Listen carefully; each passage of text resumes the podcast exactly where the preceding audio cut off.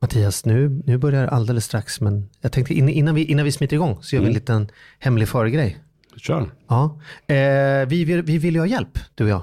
Ja men vi tror ju det, för vi får ju bra med feedback via mail och sådär. Men vi inser att vi behöver få fart på sociala medier lite grann, eller hur? Ja, ja. Så sitter du där ute och väntar nu på att det ska börja med pianomusiken i bakgrunden här. Eh, men tänker att du skulle vilja hänga med oss i studion. Plocka upp lite cool grejer, se till att vi får ut dem i sociala medier och får prata mer med Sverige om vad som händer och, och få igång lite fart i sociala medier. Då kan man röra av sig till oss, eller hur? Ja, det, man bör gilla ekonomi, man bör ju tycka om att, eh, man bör gilla våran podd. Ja. Eh, och sen så ska man ju, ja men det vore väl kanon. Vi Inte lukta illa i munnen och sådär. Utan ja, annars... det får man gärna göra. Okay. Ja, ja. ja. Nej, men bra. Då men, mejlar man oss? Då mejlar man oss till charlie och mattias at gmail.com. Ja, ja. Enkelt, och så hör man av sig. Och sen så kan man ju komma och ha världens skönaste praktikplats till exempel. Ja, ja. Fan, nu trycker vi på play här. Kör.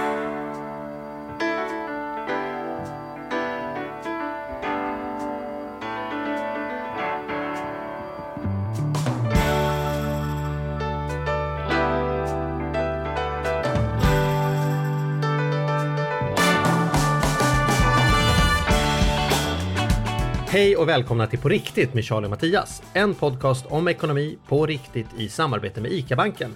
ICA-banken är en vardagligare bank som tryggt och enkelt hjälper dig att hålla koll på din vardagsekonomi. Hur är läget Mattias Andersson? Ja men det är mycket bra. Jag skulle fråga dig hur det är. Du är du som sitter någon annanstans ju. Du befinner dig ju på Teneriffa du va?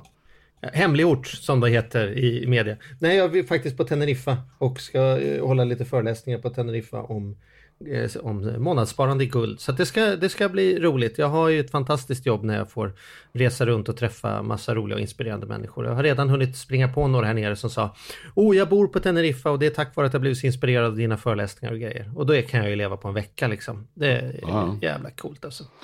Ja, men jag börjar, jag börjar vänja mig att jag börjar se dig istället för att du sitter mitt emot mig så börjar jag se dig som en sån här ljudkurva på dataskärmen. Mm. Men jag det funkar ju ganska kompis. bra.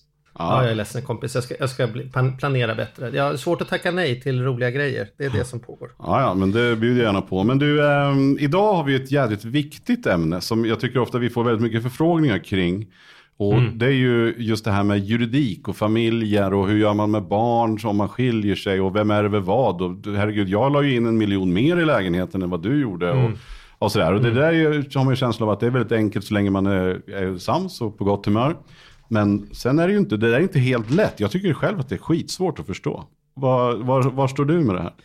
Jag, är ju, jag tycker att man ska ha en bra jurist i sitt stall, annars är man ju korkad. Och jag brukar använda dem när det kör fast liksom. Men jag är ju lite så här töntig där, att jag tror ju lite på lagstiftningen. Jag tycker ju att finns det något som heter sambolagen, ja men då är det väl den som ska gälla om man är sambos då, om man inte är några väldigt speciella skäl. Och det finns ju något som heter liksom äktenskap och, och som reglerar arv och testament och sådana saker. Så att ibland tycker jag att jurister alltid ska liksom engagera sig att vi ska ha något annat som gäller än det som lagstiftaren har tänkt. Och då blir jag ju lite nojig och så här, varför då? Varför, vad är det som är så orättvist med hur lagen är från början? Men, men vi får väl reda ut det idag. Är, du får säga ifrån Mattias om du kan bli för, för gubbig. Ja, nej, men jag tänker bara att det, mot... ja, men jag tänker, allt annat är ju lagen, med så här, det är bra att man inte kör, kör eh, bil onykter och det finns många givna lagar, man ska inte stjäla mm. och sådär. Men i det här fallet kan det ju vara så otroligt olika förutsättningar när man när man träffas. Jag menar en kanske har massa pengar sparat som man har hållit på med hela livet och sen träffar man någon, någon ful fisk som egentligen eh, kanske är ute efter de där pengarna. Det, det, finns ju så många olika varianter här. Eller att någon är, Ja, ja, vi får se. Kan du hålla dig liksom eh, objektiv idag då? Hon pratar ju lite jävlemål vet jag. Du är ju lite extra kär i tjejer som bryter på jag är extra kär i tjejer som kommer från Gävle, det kan jag väl erkänna eftersom min fru ja. men, men de säger så här någonstans nej, men, men det, är, sånt där. det är inte så att jag inte kan hålla isär två Gävle-tjejer. Alltså, men du, men eh, det ska bli väldigt intressant. Det ska bli väldigt intressant att reda ut det här med juridiken. Så välkommen in Jessica Eriksson.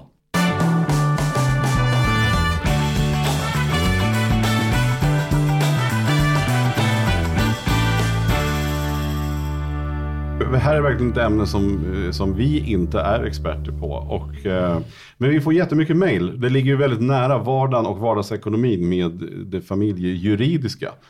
Eh, så. så att därför så är det superkul att få bjuda in Jessica Eriksson som är regionchef på Familjens Jurist, eller hur? Tusen tack för att jag fick komma. Det Härligt. stämmer. Mm. Men du, vad, vi, alltså jag känner så här, jag måste gå rakt på sak bara. Eh, vad är den vanligaste frågan som ni får när du säger att du jobbar med familjejuridik? Ja, det ja på nog... middag sen när man har dig till bordet, vad är det de alltid frågar?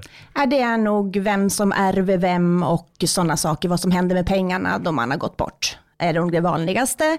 Och sen så är också vanligaste vem som ärver vem så att säga. Om man är sambor eller gifta, har barn utanför äktenskap, man har bara syskon, syskonbarn, man har inga barn alls. Mm. Det är nog de vanligaste frågorna. Just det. För det är väl det här, ofta, just det här med, med, med arvet. För jag tänker ofta, det är ju många nu, jag menar om man träffar, om man har barn sedan tidigare. Eh, och sen träffar man en ny så har ju ofta säkert den nya också barn sedan tidigare. Aha.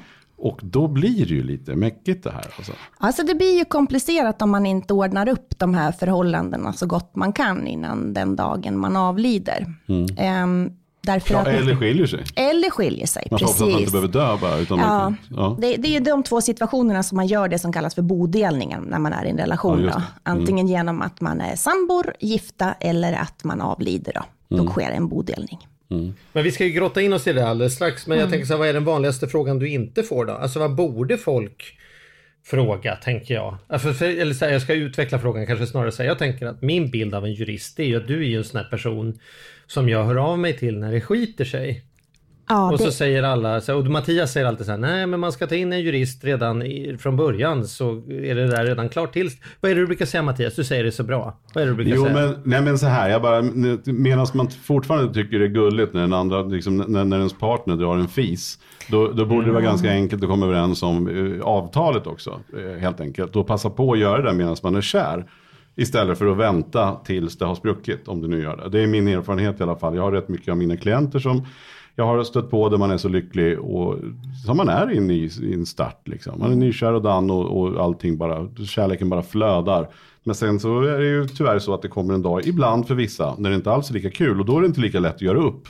Så jag tänker att man ska göra det innan då. Ja, men alltså det, det ultimata är att man tänker efter före. Så är det ju alltid. Då skulle alla tänka efter före, då skulle jag sannolikt vara arbetslös, om mm. man säger så. Men eh, det är just precis som du säger, att vi hör ju jätteofta att ja, men vi är så lyckliga, vi behöver inte de här papperna, vi kommer att vara gifta livet ut, vi kommer att bo ihop livet ut. Mm. Men det är ju så att det är ju ingen gång som man är så kär i sin eget pensionssparande till exempel, som den dagen man skiljer sig. Ja, just det. Och då, men då tänker jag så här, för att, men är det inte lite så här romantikdödare också då? Att efter fem dejter och man bara så här, åh, ska inte vi kanske fundera på att flytta ihop? Eller, ja ni kan ju provbo lite grann nu och så där.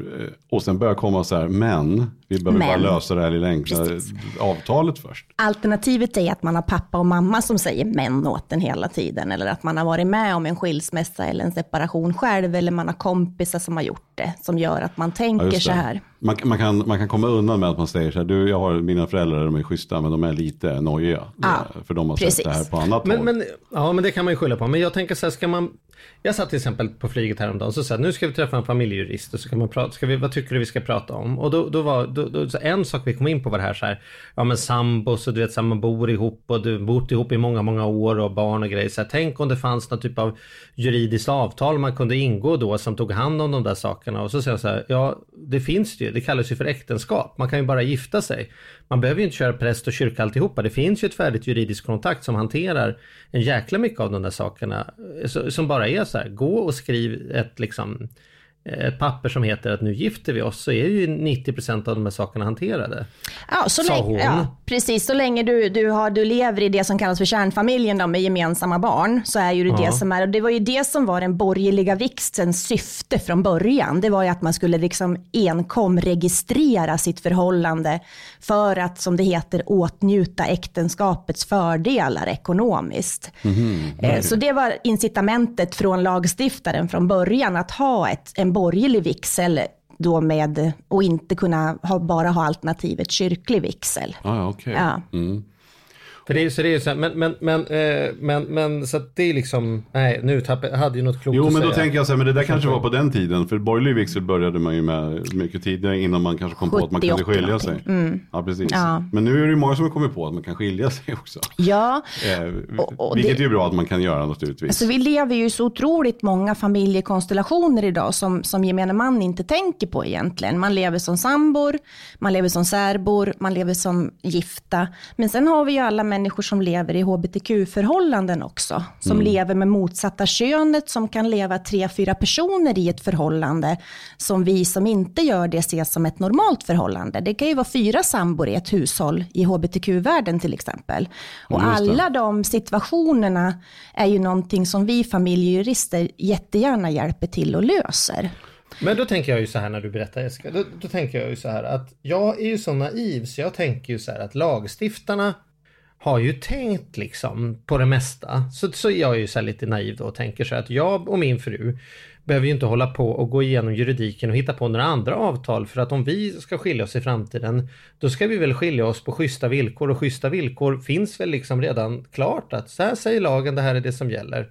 Men är, är jag naiv då när jag tänker så eller, eller liksom, förstår, förstår du hur jag menar? Alltså naivitet är väl en högst subjektiv värdering skulle jag vilja säga i, i de här diplomat- sammanhangen. Ja, för att vara Ja. diplomatisk. Men, men det är ju som så att det är klart att bodelningsinstitutet som vi jurister så fint kallar det, och, och det ber man ju lite om ursäkt för som jurist, för man är ju lite proppmätt uttrycksfull ibland och använder sina egna jurid, juridiktermer. Och det tror jag också ibland kan göra oss väldigt otillgängliga för privatpersoner. Att vi dels har ett språk som kanske gemene man inte alltid kan ta till sig och alltid när man hör någon ha pratat med en jurist eller varit till en jurist så är det ju alltid den svartaste väggen vi målar upp. För det är ju det man skriver avtalen mot. Och, och sen debiterar ni per timme vilket gör att ni vill ju inte komma i mål så fort. Jo, alltså vi, nu, nu, nu, nu säger, skrattar du och säger alltså vi är ett företag som börjar, för, inte förstå, nu ska jag inte ha någon hybris på något sätt, men vi börjar jobba väldigt, väldigt mycket med fasta prispaket. För att kunden i förtid ska kunna se vad det här är för kostnad. Och enligt mig, de här avtalen som man skriver, det är väl absolut den billigaste försäkring man kan ha. Man försäkrar sig med bil och hus och allting man äger och Så, liv. det- så det kanske man kan kräva idag. Om man nu ska gå och få hjälp av det här så kan man säga, jag vill veta innan vad det kommer kosta att få ett till ett samboavtal eller ett äktenskapsförord eller vad vi nu kommer Hos oss kan man i majoriteten av fallen alltid få en prisuppgift. Det här kommer det att kosta dig. Sen kan det ju hända att man under resans gång som kund kommer på saker som tillkommer som man vill reglera. Men absolut kan man få ett pris över vad det kostar. Men om vi, då, om vi då börjar bena ut det så här, om vi ska ta lite från fall till fall då för att bli ganska konkreta här. Då tänker jag, redan när man blir sambos, då brukar jag säga till mina klienter att nu ska vi upprätta ett samboavtal. Det har jag några mallar för, enkelt ligger i datorn. För det är ju egentligen att man, om jag har förstått det rätt, så är det ju att man egentligen bara avsäger sig sambolagen. Det vill säga att det blir enskild egendom som gäller. Det är ju väldigt, Ja. väldigt enkelt sorts avtal. Ja, det är helt korrekt. Tycker du att, är det någonting man, man ska Det ska ägna man sig åt? absolut alltid göra om det är så att man, när man köper saker gemensamt som sambor så finns det två olika lagar som gäller. Antingen så är det sambolagstiftningen och den kom i slutet på 80-talet och den är numera könsneutral och gäller för, för hbtq-personer och, och eh, andra heterosexuella personer. Ehm, I den så kan man bara, som du säger, avtala bort sambolagens fördelar. Och det som man kan äga tillsammans i sambolagen är gemensamt införskaffad bostad och gemensamt införskaffat bohag. Och då drar man gränsen vid inre bohag, som jag uttrycker det. Alltså det bohag som du har inne i huset. Soffor, eh, Soffor, hyllor och sånt. Ja, husgeråd med mera. Men en gräsklippare är enligt huvudregeln inte samboegendom. Utan då kommer man in på den andra lagstiftningen som är relativt komplex och eh, otillgänglig, lite gammalmodig, men det är samäganderättslagen. Det vill säga allting som man äger tillsammans med en person som man inte delar på enligt äktenskapsbalken eller enligt sambolagen. Men då tänker jag så här, ofta så kanske det är så här att man, man ska köpa en lägenhet. Man, man börjar ju, man säger, ja, vi flyttas, så här, vi träffas, man blir här, man flyttar ihop och sen så kanske man då vill ha ett nytt gemensamt boende på något sätt. Och sen så köper man en lägenhet. Men den ena kanske kan lägga in 500 000 och den andra kan lägga in en miljon. Räcker det då med att avsäga sig sambolagen så kan man styrka att jag gav ju en mille och du gav en halv miljon. Det kan man göra. Man kan antingen avsäga sig då att, att en, man kan skriva så i samboavtalet att den som äger, för man räknar ju så att då är det en och en halv miljon man går in i. Då är det en som har lagt in 66 procent och den andra 33. Mm. För den som har lagt in 66 då så kan man ju skriva i samboavtalet att 33 procent av den här kontantinsatsen eller hela bostadsrättens eller bostadens värde ska vara den här personens egna och mm. resten då delar vi på. Alltså man avtalar bort de 33 procenten. Man kan också reglera det via skuldebrev internt, men då ska man vara varse om att ett skuldebrev har preskriptionstid, alltså det förfaller efter tio år om man inte amorterar eller påtalar för den andra parten att nu gäller det här fortfarande. Okej, okay, men efter tio år så kanske man har Ja, det kanske man inte har. Men, men tänkte då har man hunnit skilja sig. Eller så har man bestämt sig att de ska vara ihop. Men då tänker jag så här, men, men är samboavtal, är det nummer ett? Tycker du att, att ja. om, om din bästa kompis ska flytta ihop med någon, kommer ja. du påtala att det vore nog bra om du skrev ett samboavtal? Absolut. Ja. Varför det då? Då är det så här att själva grundregeln är att man ska undvika sambolagen? Är inte sambolagen till för att skydda sambos? Liksom? Jo, det, det är väl helt... ingen som har skrivit den för att jävlas med folk? Nej. Liksom. Varför ska alla, alla börja med att ta bort den lagen som finns? Alltså jag skulle vilja säga, och nog om det låter lite kaxigt, att sambolagen är inte så här lysande alla gånger. Därför att man delar på det som jag sa inledningsvis är samboegendom. Men i det fallet mm. som Mattias berättar nu då, om man glömmer bort det här, så blir det ju så att den personen som har lagt in den här halvmiljonen mer, den tappar ju det, hälften av det beloppet vid en bodelning så att säga. För då delar man totalt rakt av på värdet. Så det är ju någonting som är jätteviktigt om man lägger in olika saker. Någonting som är än viktigare är att oftast så träffas man ju där kanske en av samborna tidigare hade en bostad som man avyttrar och använder hela kapitalet för att köpa en ny bostad. Och det kan ju vara så att det täcker hela. Men då ska man tänka på att den bostaden, den är ju gemensamt införskaffad. Den ska mm. man bo i tillsammans och vid då en separation, då ryker ju den här sambons hela insats då som den har kanske sparat ihop till eller fått via arv eller pengar av mamma och pappa för den tidigare bostaden, för då ska det delas med hälften. Är du med Charlie? Det tycker jag är klurigt. Det, jag har ju aldrig tänkt så här för att jag tänker så här att jag kan inte göra skillnad på min och Andreas pengar. Alltså om hon är hemma med vårt gemensamma barn och jag är ute och jobbar då kan inte jag säga så här, ja det är mina pengar. Jag är, eller att hon skulle vara värd mer eller mindre än mig liksom hemma bara beroende på att vi har olika lön på arbetsmarknaden. Och det kan man ju säga så här att det är jag som har lagt in kontantinsatsen men å andra sidan har ju hon varit med och betalat på lånen mm. varenda månad i 20 år. Ska jag då få tillbaka hela fastighetens värde medan hon får ingenting för att för att det var inte hon som la in det från början. Det är inte så jädra solklart tycker jag. Det, är liksom, eh, det vore ju trevligare om man hade någon, någon lag som, som vi kände så här att, att jag bara ogillar att själva grundkonceptet ska vara att lagen inte ska gälla. Då tycker man ju att lagen är dålig. Lagen borde ju ändå vara Men det är väl också så att man kan komma från, ja men jag tycker att det är bra för man kan ju komma med väldigt olika ingångar ju. Och då känns det ju också mm. som att, att det där kan man ju också sen reglera, tänker jag, att det, ofta så kanske en ett, ett eh, sambos leder till att man så småningom gifter sig. Det är väl liksom ändå tanken eller liksom någon sån här grundidé. Liksom. Men är ni sambor Charlie eller? Ja, men vi är gifta. Alltså, ni är gifta? Ihop, men vi är gifta och gemensamma barn. Ja. Men jag bara menar hur det var innan. Vi har ja. ju så från dag ett aldrig haft några sådana där grejer. Men, men, men vi har å andra sidan ganska okomplext för att vi har inga andra barn och det finns liksom inga andra inblandade. Ska vi titta på det då som ett alternativ? Då? Om man inte bara flyttar ihop utan vad händer om det finns barn sedan tidigare och grejer? Ska man ha andra saker än sambolag då eller? Alltså det som man ska ha tycker jag när man har barn utanför äktenskap eller barn inom ett samboförhållande, det är ju ett inbördes testamente om man vill upprätt, uppnå arvsrätt efter varandra. För oavsett hur länge man har varit sambor eller om man bara inom citationstecken har gemensamma barn, så är det så att den dagen någon sambo avlider så är det barnen som ärver. Och i dagens situation så är det ju många, fler och fler är ju sambor, färre och färre gifter sig. Och det här betyder ju att många har ju egentligen bara sitt kapital sitter i en fastighet eller i en bostadsrätt. Och är det då mm. så att en sambo avlider så, så får man då lösa ut sitt barn ur arvet för att kunna bo kvar i bostaden. Vänta, ta det här en gång till. Om vi tar ett, ett, ett, ett krasst här. Ja. Vi säger nu så här. Om, om jag och min fru mm. Har en Nej. Du och din sambo. Jag och min sambo. Ja. Ja, just mm. det. Okay. jag och min sambo, vi har gemensamma barn. Mm. Och sen coola vippar jag. Mm. Och så är barnen underåriga. För mm. att om barnen är underåriga så blir det ju så att det blir en god man och överförmyndaren som ser till att barnen får ut sin rätt till arv. För då kan man ju inte bestämma om man vill avstå arvet själv eller inte. Det kan man ju göra när man har blivit 18. Ja, just det. Men är då barnen underåriga så skulle det krast kunna vara så att din sambo måste då lösa ut den här miljonen eller en och en halv miljonen som din andel av bostaden är värd för att barnen ska få de här pengarna på ett bankkonto och förvaltas tills dess att så de är 18. Så min sambo då måste alltså lösa ut, betala pengar till ja. våra gemensamma barn för att kunna få? Det är helt korrekt, vilket kan innebära att man får gå från hus och hem som efterlevande och slita upp sina underåriga barn då för att man inte har råd att lösa ut de här Just det. arvet. Och då är det en ganska enkel scenario. Om du då istället så här, om jag då har två barn sedan tidigare. Ja, men låt oss säga att du och jag Jessica mm. här. Du har ju två barn och jag mm. har två barn. Yeah. Men sen så träffas vi. Mm.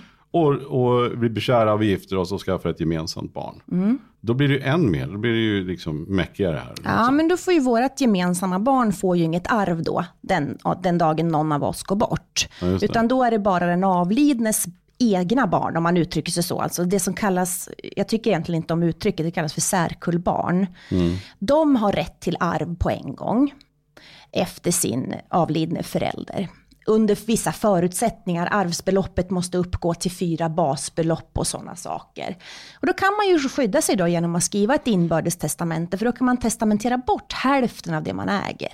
Så, så egentligen, om vi nu skulle här nu är ju du jurist och talar för det här, men om du liksom kastar bort juridik, juridikhatten mm. fast du ändå har den ja. kunskap du har. Tycker du att alla människor borde ha ett eget testamente? Absolut. Och det är kanske inte bara därför att de här situationerna... Har du det? Ja, absolut. Har din man det? Nej. Jo. Han är så illa tvungen stackarn. Nej men så här, var och en ska upprätta ett eget testamente, ja. tycker du? Ja. Mm, alltså även jag oavsett om man är gift eller sambo. Ja, jag blev jätteglad när mina föräldrar kom när jag hade gått klart på juristlinjen och visade gäller det här testamentet, för det hade de skrivit på 70-talet när de hade fått oss barn. Mm. Därför att det finns också, inte bara det att man har särkullbarn eller gemensamma barn, det finns ju någonting som är så viktigt tycker jag som heter enskild egendom. Mm. Det betyder att det man efterlämnar sig till sina arvingar i slutändan, det behåller de. Om jag då efterlämnar mig det arv som jag eventuellt har kvar den dagen jag går bort till mina två barn, så får ju de det som enskild egendom. Om då de i sin tur gifter sig eller blir sambor och separerar, så får ju de behålla pengarna och egendomen efter alltså mig. Så den enskilda egendomen följer med ner i leden? Den följer med ett led okay. ner ja. till barn eller syskonbarn, beroende på vem man testamenterar till. Ja, Men den enskilda egendomen finns inte på annat sätt än i testamente. Så egentligen för mig då som bara har ett barn och en fru. Jag, eh, min son ärver ju mig. Ja. Men jag ska ändå göra ett testamente där det står exakt samma sak. Att han ärver mig. Absolut. Men jag skriver till som enskild egendom så är, mm. så är han skyddad ifall han sen skulle hända något med de pengarna i någon egen samboförhållande. Ja, därför absolut. Att, därför att när Primus drar till Ibiza när han blir 22 Precis. och blir, blir mm. tok, kom, tokkär i någon, någon... Kommer hem en tjej ja. som du inte tycker om så är det ju jättebra om du har enskild egendom då. Men någon solovårare som, mm. som liksom ska playa bort hans, hans deg då? då. Mm. Ja. Ja. Ja. alltså, ja. Jag hör att du inte är med ja, på bra. det riktigt. Nej men bra, nej men det är jättebra. jättebra. Vi kollar i andra änden. Vi har, vi har ju plockat in lite sådana här frågor. Vad händer ja. om man har, vad händer i andra ändan då? Om man inte pratar om att gifta sig, vad händer om man har folk som har blivit äldre som föräldrar och sådana saker?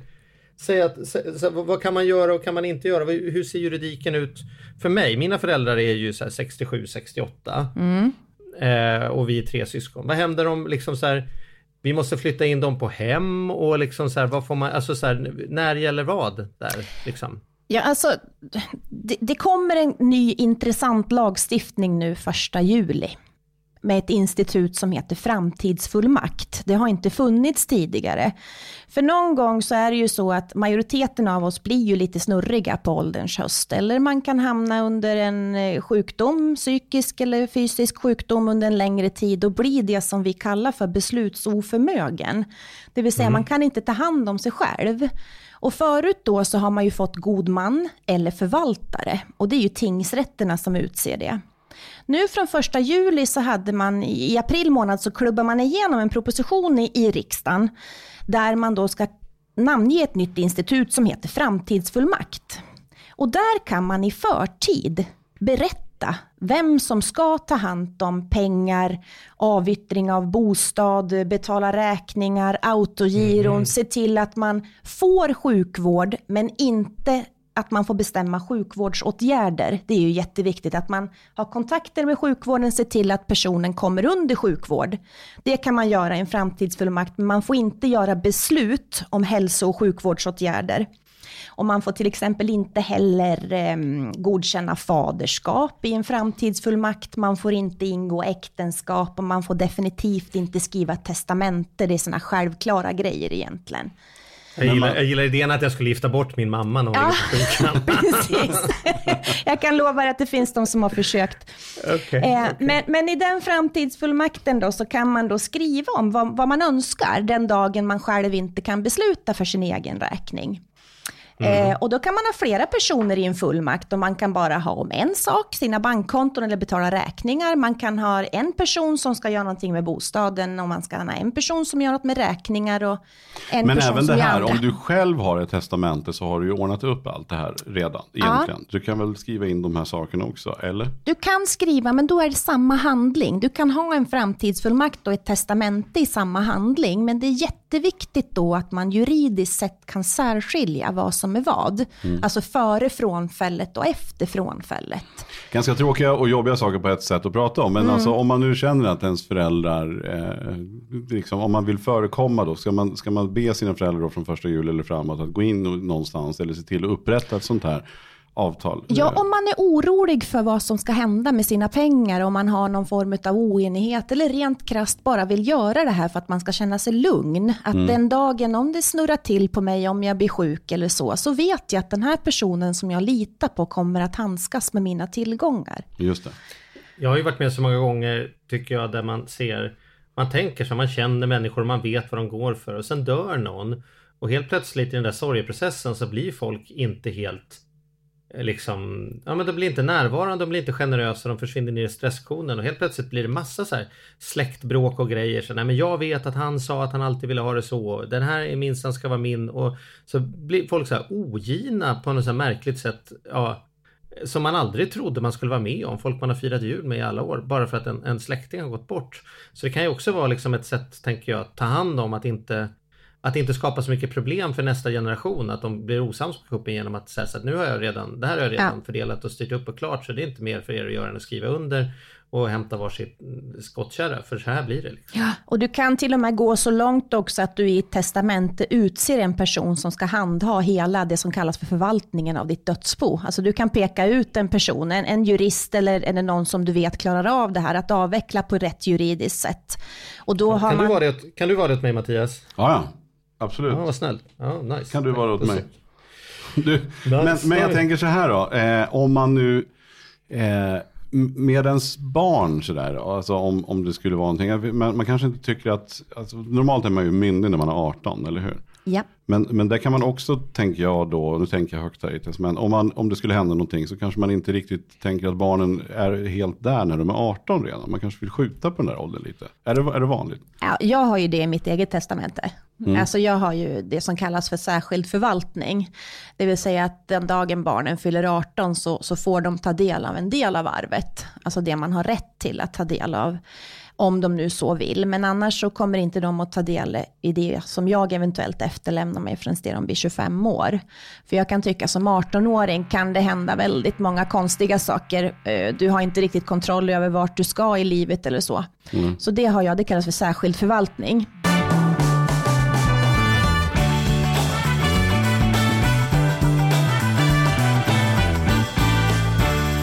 Jessica, jag tänker så här med, med pension då. Om, det kan ju vara så att man har avsatt olika. Man kanske yes. har dragit in olika mycket pension därför att man har haft olika typer av jobb. Eller mm. den ena av parterna har varit mer om sig och kring sig. Yeah. Och, den, och, och ens eh, den andra inte då. Vi säger mm. att man är, är gift. Eh, och sen går man skilda vägar. Mm. Då, det kan väl inte vara så att den andra parten får ta ens pension? Jo, så kan det vara. För att det individuella pensionssparandet ingår som huvudregel i bodelning mellan före detta makar. Och när man eh, gör en bodelning, eller förrättar en bodelning som det heter, så är ju lagstiftarens syfte att man ska gå ut med lika mycket var ur boet, det vill säga man ska vara likställda. Och det har ju med äktenskapsbalkens eh, stadgar om att man ska ha underhåll och man ska vara lika under ett äktenskap och man ska vara det när man går ur ett äktenskap. Mm. Så att där är det då så att man har delat på allting, men det finns en halv miljon kvar i individuellt pensionssparande som en part äger. Ja, låt oss säga att jag har sparat undan en, en halv miljon då. Ja. Under, jag har varit jävligt noga med det där. Ja. Och sen så skil, skiljer jag mig med min fru. Och sen, men då hon, skulle hon i princip då, om, när man delar upp allt, då har hon rätt. Då skulle hon kunna ja. ha rätt att ta. Till hälften efter en beskattning och då brukar man ju räkna på att man skattar men på ett jag, får jag casha upp dem då? För de ligger ju ändå låsta tills, tills den Du får casha upp dem, det är korrekt. Alternativet är att du kan ge ut saker som du har fått i bodelningen. Alltså du har fått anvisningsrätt. Du kan skicka ut en bil till exempel för ja, ett värde. Okej, okay, du får bilen ja, istället. Du får bilen istället. Ja, så kan det vara. Shit. Men, men, är, men jag tänker också så här. Är det så fel då? Alltså Mattias har, gemen, de har gemensamma barn och hon har kanske varit hemma mer än Mattias har varit och, och du vet, det är deras pengar och de har inte hållit på med kylen och frysen att det är du som ska betala och jag som ska betala. Utan det har väl varit det som det är med allting med pensionen. Men lagstiftaren har ju inte helt fel ute här när man säger så här. Det är väl klart att, att ska du då, då sitta och käka fisk, eller liksom ska frun käka fiskbullar och du sitter och äter entrecote bara för att det råkade vara på dig som pensionsförsäkringen stod medan ni var gifta för att den ena hade hand om ekonomin andra. Alltså men, det är men, nej, nej, men då tänker jag så här, nu när man, är, när, när, man då är gift fortfarande så känns det ju verkligen som att ja, men det är väl självklart att vi ska gå ut där. Det tänker jag ju som lagstiftare. Ja, absolut. Men jag menar, det kanske beror på också, jag kan tänka mig att det kan inträffa saker på vägen som föranleder en skilsmässa som gör att man kanske inte blir lika generös i tanken, eller? Nej, du menar att hon flyttar hem till mig, din fru? till, till exempel. Du ska gifta, för du ska gifta dig med Jessica, det sa du för tio ja, minuter så, så gör vi. Ja. ja, men är inte det bra då? Det är inte bra då att jag, hur förbannad jag än är, inte kan liksom bete mig mot min fru för att lagstiftaren har tagit hand om det och sen så när jag väl har lugnat mig tre år senare inser att det var väl klart att det liksom var bådas fel. Alltså så här, det, det, det, ja, men det är klart att vi, man behöver ha ett möte med sin jurist här, det hör jag i lång väg. Men jag är ja, inte men... alltid säker på att jag vill, att jag vill liksom så sitta med alla trumfen på hand. Är, är jag, nu låter jag som någon Moder Teresa här jag är ledsen, men Förstår ni vad jag menar? Ja, jag förstår absolut vad du menar. Och, vad säger, och då tänker jag så här, jag, precis, men vad säger, då, vad säger du Jessica om just säger det här? För det här måste ju vara din vardag, att, att mm. å ena sidan mm. och å andra sidan. Mm. Vad, vad, vad, tänker du? Ja, det jag tänker ju så här, det beror ju på vilken jag sitter bredvid. Mm. Vilken part jag sitter bredvid. Just det. Mm. För det kan ju också vara en jävla orättvisa, det kan ju vara ja. utstuderat. Och i det Absolut. fallet så borde den fan inte ha någonting. Ja. Men ibland så kanske det inte är, verkligen inte är det. Nej. Utan den här stackars människan blir det synd om. och, och och borde fan med ha sin rätt. Men det är lika också om man äger ett fåmansföretag. Att man äger om man är ensam aktie eller ensam eh, bolagsman i ett aktiebolag till exempel. Den, den tjänstepensionsavsättning som man gör där, för då förfogar man ju över utdelningar och kapital på ett sätt som gör att man kanske skulle ha fått det till äktenskapet istället, de här utdelningarna. Och det är ju också någonting som skulle kunna ingå i en bodelning i framtiden, alltså avsättningar i tjänstepensionen hos en fåmansföretagare. Och det är det inte det. många som vet om. Mm. Men hur klassas det idag då? Du, du, är det så om du har vinster i ett bolag och man går skilda vägar och den ena är då aktieägare i ett bolag. Det klassas som en privat tillgång. Ja, alltså du, du värderar ju bolaget utifrån mm. antingen nominellt belopp, substansvärde eller marknadsvärde är de tre vanligaste. Och är du då ensam bolagsman så äger du någonting som har ett värde så ska det ingå i en bodelning. Mm. Så är det.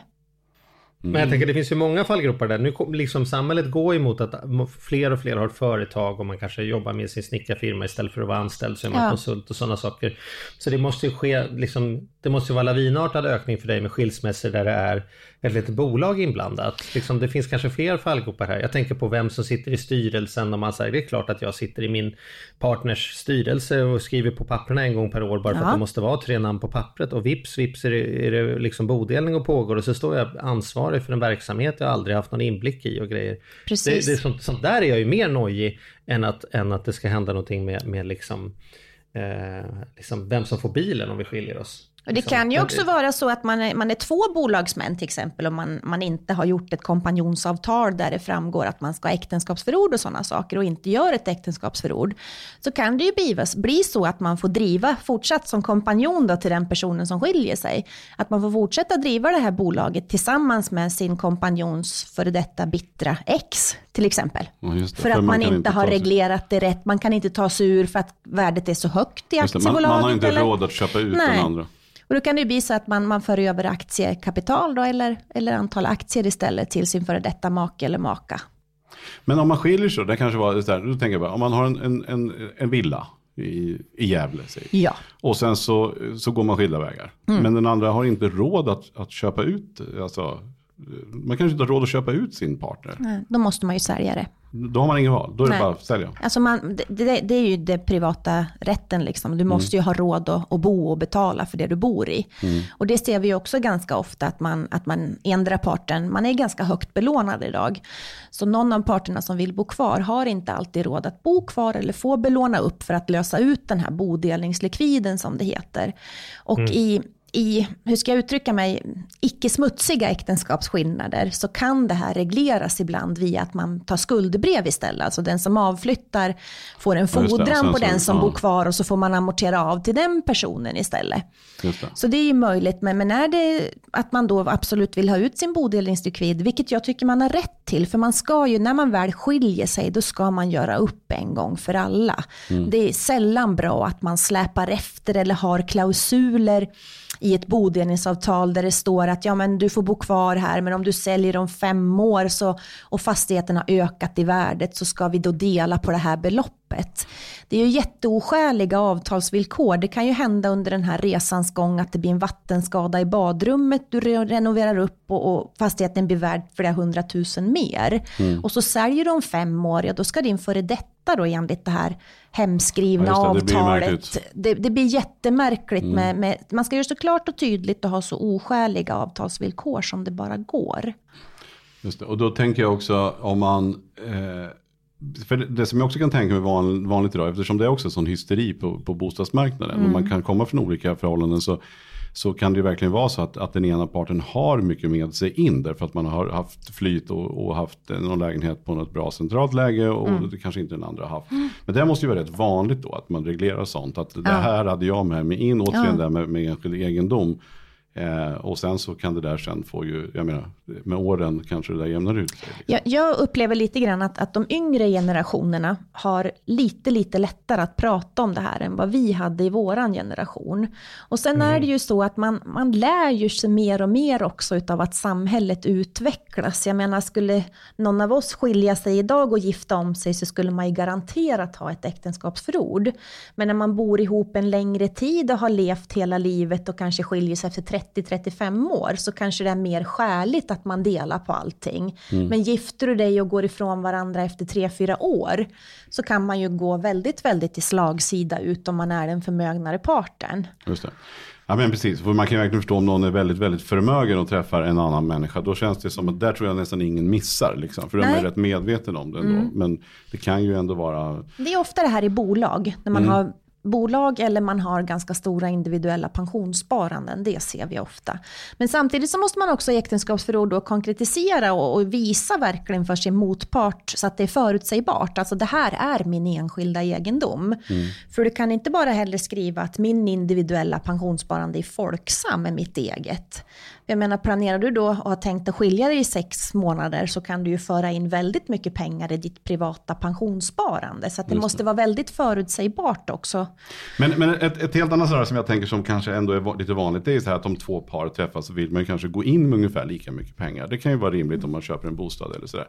Men man kanske inte har det, men då har en av parterna väldigt schyssta föräldrar eller som vill hjälpa till på något sätt. Ja. Och har lust att säga, men jag kan gå in med lite pengar och hjälpa. Men de vill ju säkert inte lägga dem dem till någon människa de inte känner. Nej. Men det går också att reglera. Det går ju att reglera på många olika sätt. Antingen genom skuldebrev, alltså mm. att man gör privata skuldebrev med amorteringar.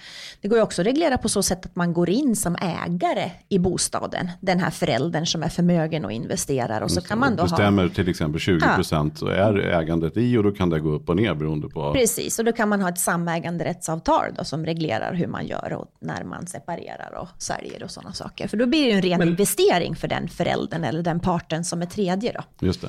Men nu pratar ni att man äger sitt boende. Jag tänker i, i storstadsregionerna idag så måste det nästan vara en större katastrof när man skiljer sig eller bryter upp som samboförhållande och inte äger utan man har hyrt. Man har lyckats få den där trean på, på Södermalm och sen plötsligt så ska man, alltså för det, det är en hyresrätt så den tas ju inte upp till något värde va? Alltså hur, vad, vad händer om man skiljer sig och har en hyresrätt då? Vad gör de människorna? Har man barn så är det ju den som har bäst behov att bo kvar som får hyresrätten och det avgör i slutändan tingsrätten om man bråkar väldigt, väldigt mycket.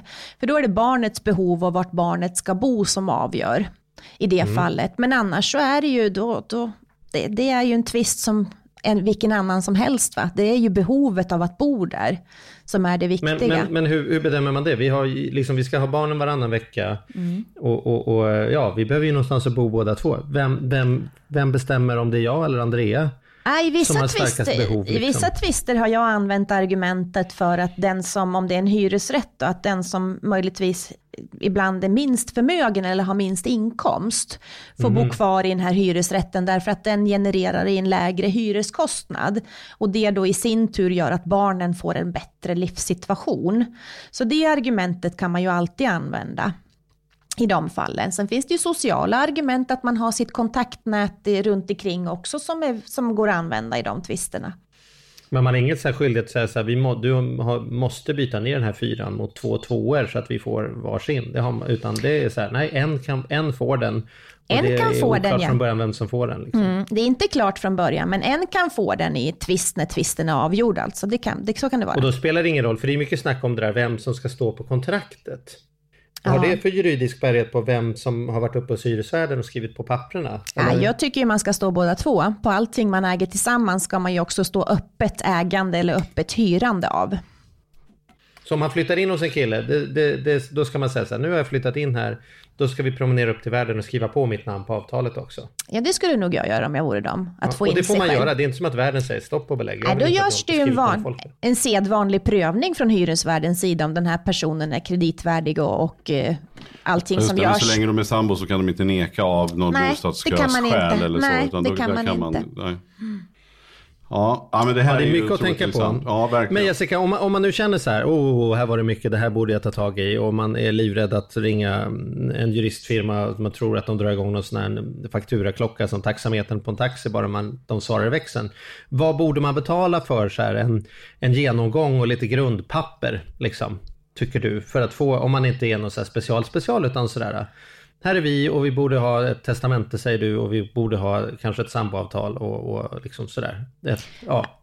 Alltså en genomgång hos oss, jag kan ju bara svara för hur vi jobbar på våran byrå, men en genomgång hos oss kostar i regel alltså det som är rättshjälpstaxan, det som Domstolsverket har sagt är skäligt för, för debitering av juridiskt arvode. Och det är 1670 kronor drygt idag. Och en genomgång tar någonstans en timme och sen så får man alltid under den sittningen möjlighet att få reda på dels vilka vägar man ska gå, vad man behöver för handlingar och ett pris på de handlingarna.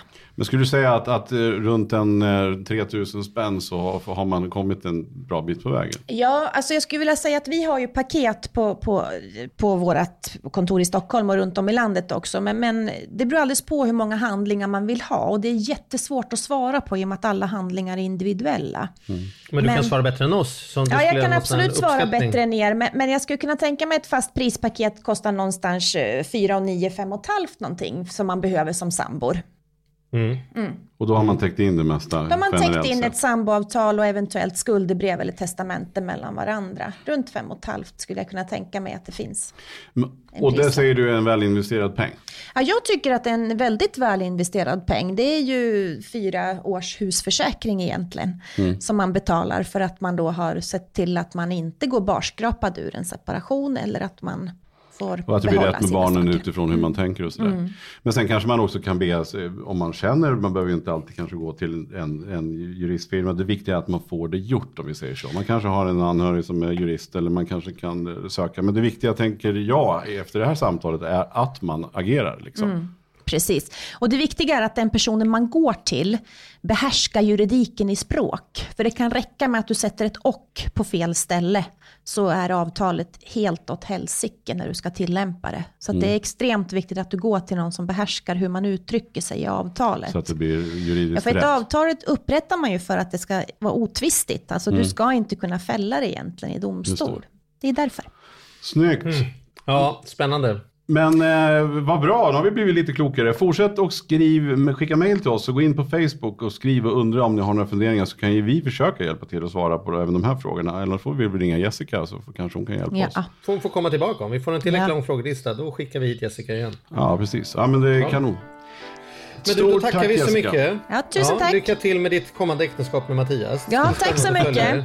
Och, och ta det lugnt med min fru nu, Ja. Ja, ja, jag ska slita henne med hälsan. Ja, det, Ha det bra. vi hörs. Hej då. Hej då. Tack för idag.